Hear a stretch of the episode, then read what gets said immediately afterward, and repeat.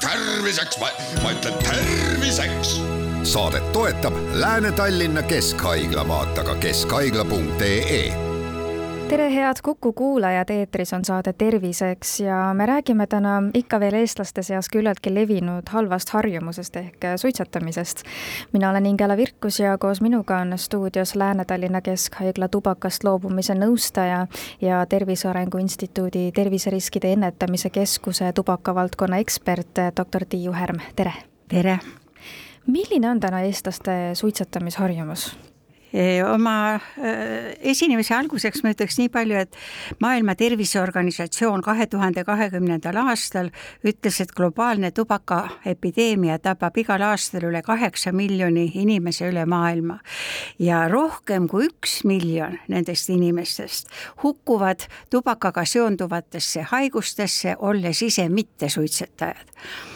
ja iga kaheksas mittesuitsetaja sureb tubakaga seonduvasse haigusesse, sellepärast et tema on viibinud tubakasaasteses keskkonnas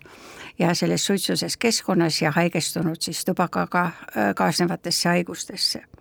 Ja kakskümmend protsenti südamesurmadest on seotud tubaka tarvitamisega Eestis on äh, suitsetamisega iseenesest äh, positiivne trend ja viimase kümne aasta jooksul on äh, suitset-, igapäevasuitsetamise osakaal täiskasvanud Eesti rahvastiku keskel langustrendis. nii et me oleme langenud kaheksa protsendi võrra ja kui kahe tuhande kümnendal aastal oli igapäevasuitsetajaid täiskasvanud inimeste seas kakskümmend kuus protsenti, siis äh, kahe tuhande kahekümnendal aastal on see kaheksateist protsenti. ja praegult just kogutakse kahe tuhande kahekümne teise aasta andmeid ja need me saame kevadel teada, järgmise aasta kevadel, milliseks seis siis kujuneb ja langus on äh, toimunud just äh, põhiliselt rohkem meeste seas, kuid praegult siis on keskmine kaheksateist protsenti, nendest kakskümmend kuus protsenti on mehed ja kolmteist protsenti on naised kui kuni kahe tuhande kaheksateistkümnenda aastani langus oli märkimisväärne, siis äh, kahe tuhande kaheksateistkümnendal aastal langustrend peatus ja kahe tuhande kahekümnendal aastal on andnud väikese tõusu. nii et igapäevasuitsetajate osakaal kahe tuhande kahekümnendal aastal on seitseteist koma üheksa protsenti, ja äh, naiste seas on jäänud endiseks kolmteist protsenti, aga meeste seas on natukene tõusnud. samuti ka kooliõpilaste keskel ja on äh, suitsetamine ei ole populaarne. üheksakümmend üks protsenti kooliõpilasi äh, vanuses üksteist kuni kolmteist kuni viisteist aastat on mittesuitsetajad ja paar-kolm protsenti võib-olla on igapäevasuitsetajad aga milline tendents on oluline, et kui varem alustasid kooliõpilased suitsetamist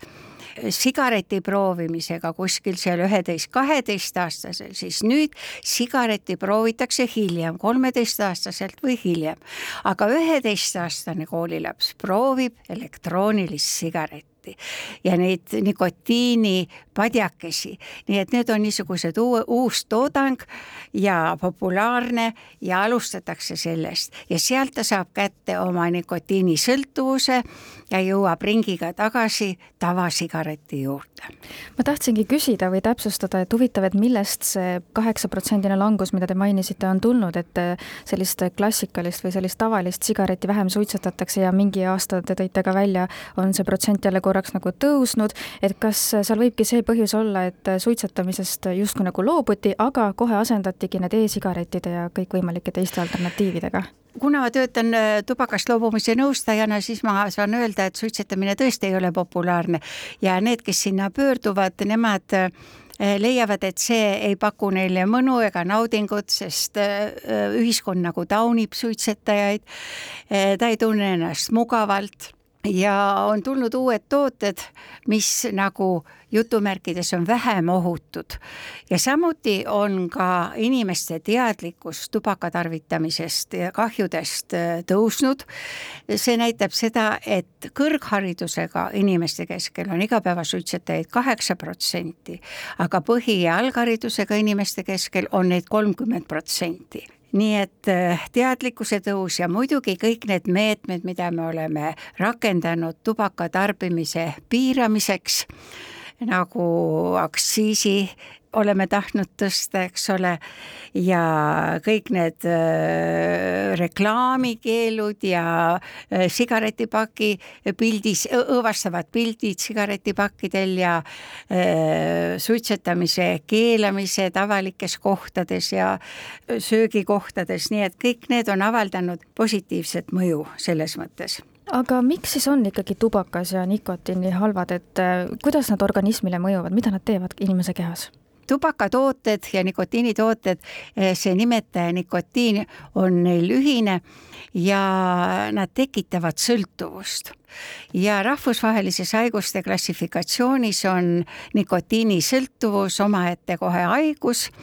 eh, krooniline nikotiinisõltuvus ja ta kuulub psühhiaatriliste haiguste alla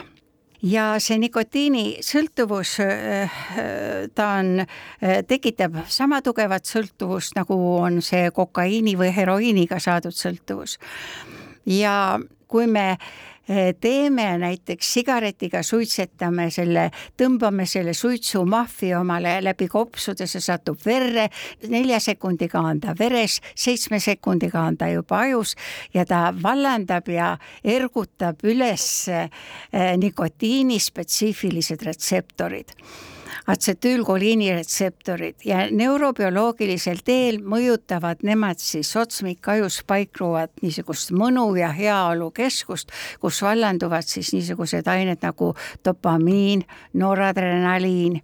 suitsunäljakeskusest vallandub äh, adrenaliin, kui nikotiini organism saab. Ja siis inimene tunneb ennast äh, nagu äh, alguses võib-olla esimesed korrad on halb enesetunne, kui laps seda võtab või proovib, tal käib pea ringi, tal on iiveldustunne, tasakaal häiritud, oksendab võib-olla isegi nõrkustunne, higistab aga pikapeale, kui ta teinekord huvi selle asja vastu jääb ja kui ta teinekord proovib ja kolmas kord proovib, tal hakkab see asi meeldima. Ja kujuneb välja, mida nooremalt alustad, seda kiiremini kujuneb, naistel kujuneb kiiremini kui meestel ja jääb stabiilsem niisugune nikotiinisõltuvus. Ja inimene tahab, organism nõuab seda äh, niisuguse suitsunälja või nikotiininälja kaudu uusi annuseid, et seda heaolu jälle saavutada. Nii et see on üks paha asi, nikotiin ise on äh, aine, mis mõjutab äh, veresoonkonda, südame-veresoonkonda nikotiini tõttu tõuseb pulssisagedus, tõuseb vererõhk, kahjustuvad arterite seinad tekib äh, varane aterogenees, tekivad niisugused aterosklerootilised naastud, mis kinnituvad äh, veresoone seinale, arteriseinale ja seal verelistakud on, liituvad, on niisugused kleepuvad selle ja kujunevad trombid mis võivad minna aiu, mis võivad minna südamesse, perifeersed veresooned jäsemetes, nende äh, äh, mikrotsirkulatsioon, vere mikrotsirkulatsioon on seal tasandil häiritud. Ja peale selle nikotiin on ka see, mis võtab ära nagu raku kontrolli vähitekke suhtes, raku tasandil võivad tekkida seal DNA-s mutatsioonid ja võivad tekkida vähkkasvajad kuidas siis sellest sõltuvusest lahti võiks saada, et see ei ole ju nii lihtne, et inimene jätab päevapealt suitsetamise maha ja ongi korras? tegelikult päevapealt mahajätmine on võimalik võib-olla kuskil kuus kuni kaksteist protsenti inimestel see õnnestub, eriti just meesterahvastel ja noortel täiskasvanutel ja noortel meestel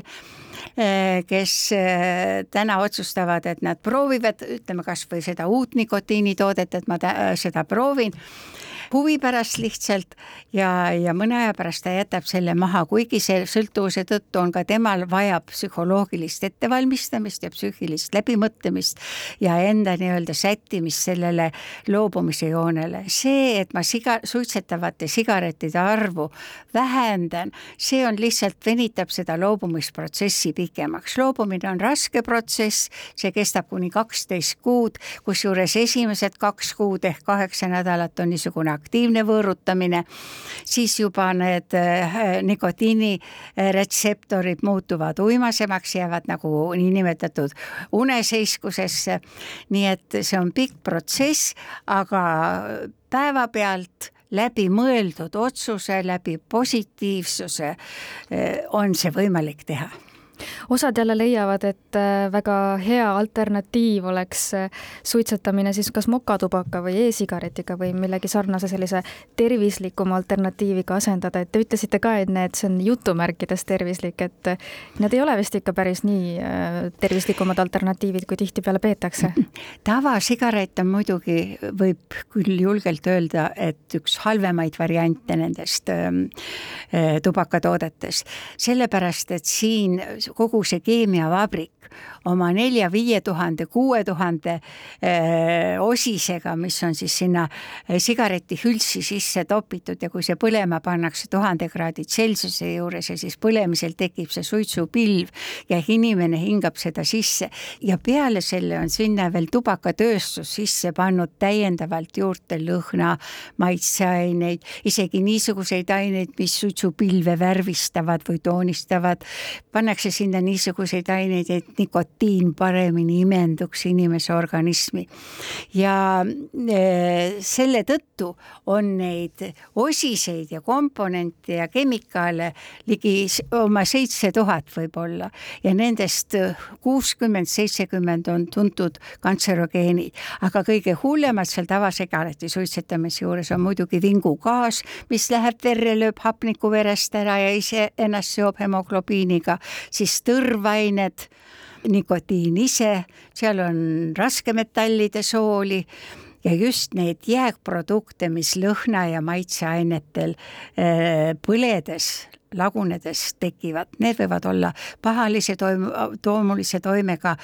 ja me, see on, ei ole lõplikult uuritud, kuidas nad organismile, mis tasandil mõjub kudedele, kuidas nad mõjuvad näiteks kopsukoele. aga kuidas nende e-sigarettide ja aga e-sigarettide puhul on teine toimemehhanism. tähendab, äh, teine, ütleme, tehniline toimemehhanism. siin me ei suitseta mitte sigaretti, vaid siin on meil, tähendab, elektrooniline seade, kus sees on siis e-vedelikuga täidetud kapsel ja seal kapsli sees on nikotiin ja seal kapsli sees on veel täiendavalt aineid nagu propüleenglükool, glütserool, metallide osiseid kantserogeene ja seda me siis inhaleerime nagu auruna sisse endale. kõigepealt tõmbame seda kopsu, kopsust läheb ta verre ja sealt ta läheb siis üle organismi igale poole laiali. nii et siin on teine toimemehhanism ja me ei tea, ei ole veel, kui me lähiaegade toimeta, see propüleenglükool näiteks ärritab võib-olla hingamisteid, ärritab silmi, tekib niisugune köhaärritus siis eh, kaugtulemusi me ei tea, me ei tea, millised on need komponendid seal ees e-vedelikus, sinna on ka lisatud maitseaineid ja lõhnaaineid, mis omakorda siis eh, lagunevad selle aurustumise protsessis. Ja me ei tea neid kaugtulemusi, kuidas, mismoodi mõjub. Ja sellepärast, kuna me seda ei tea, me seda ei soovita. Me jätkame oma vestlust juba homme kell neliteist nelikümmend viis.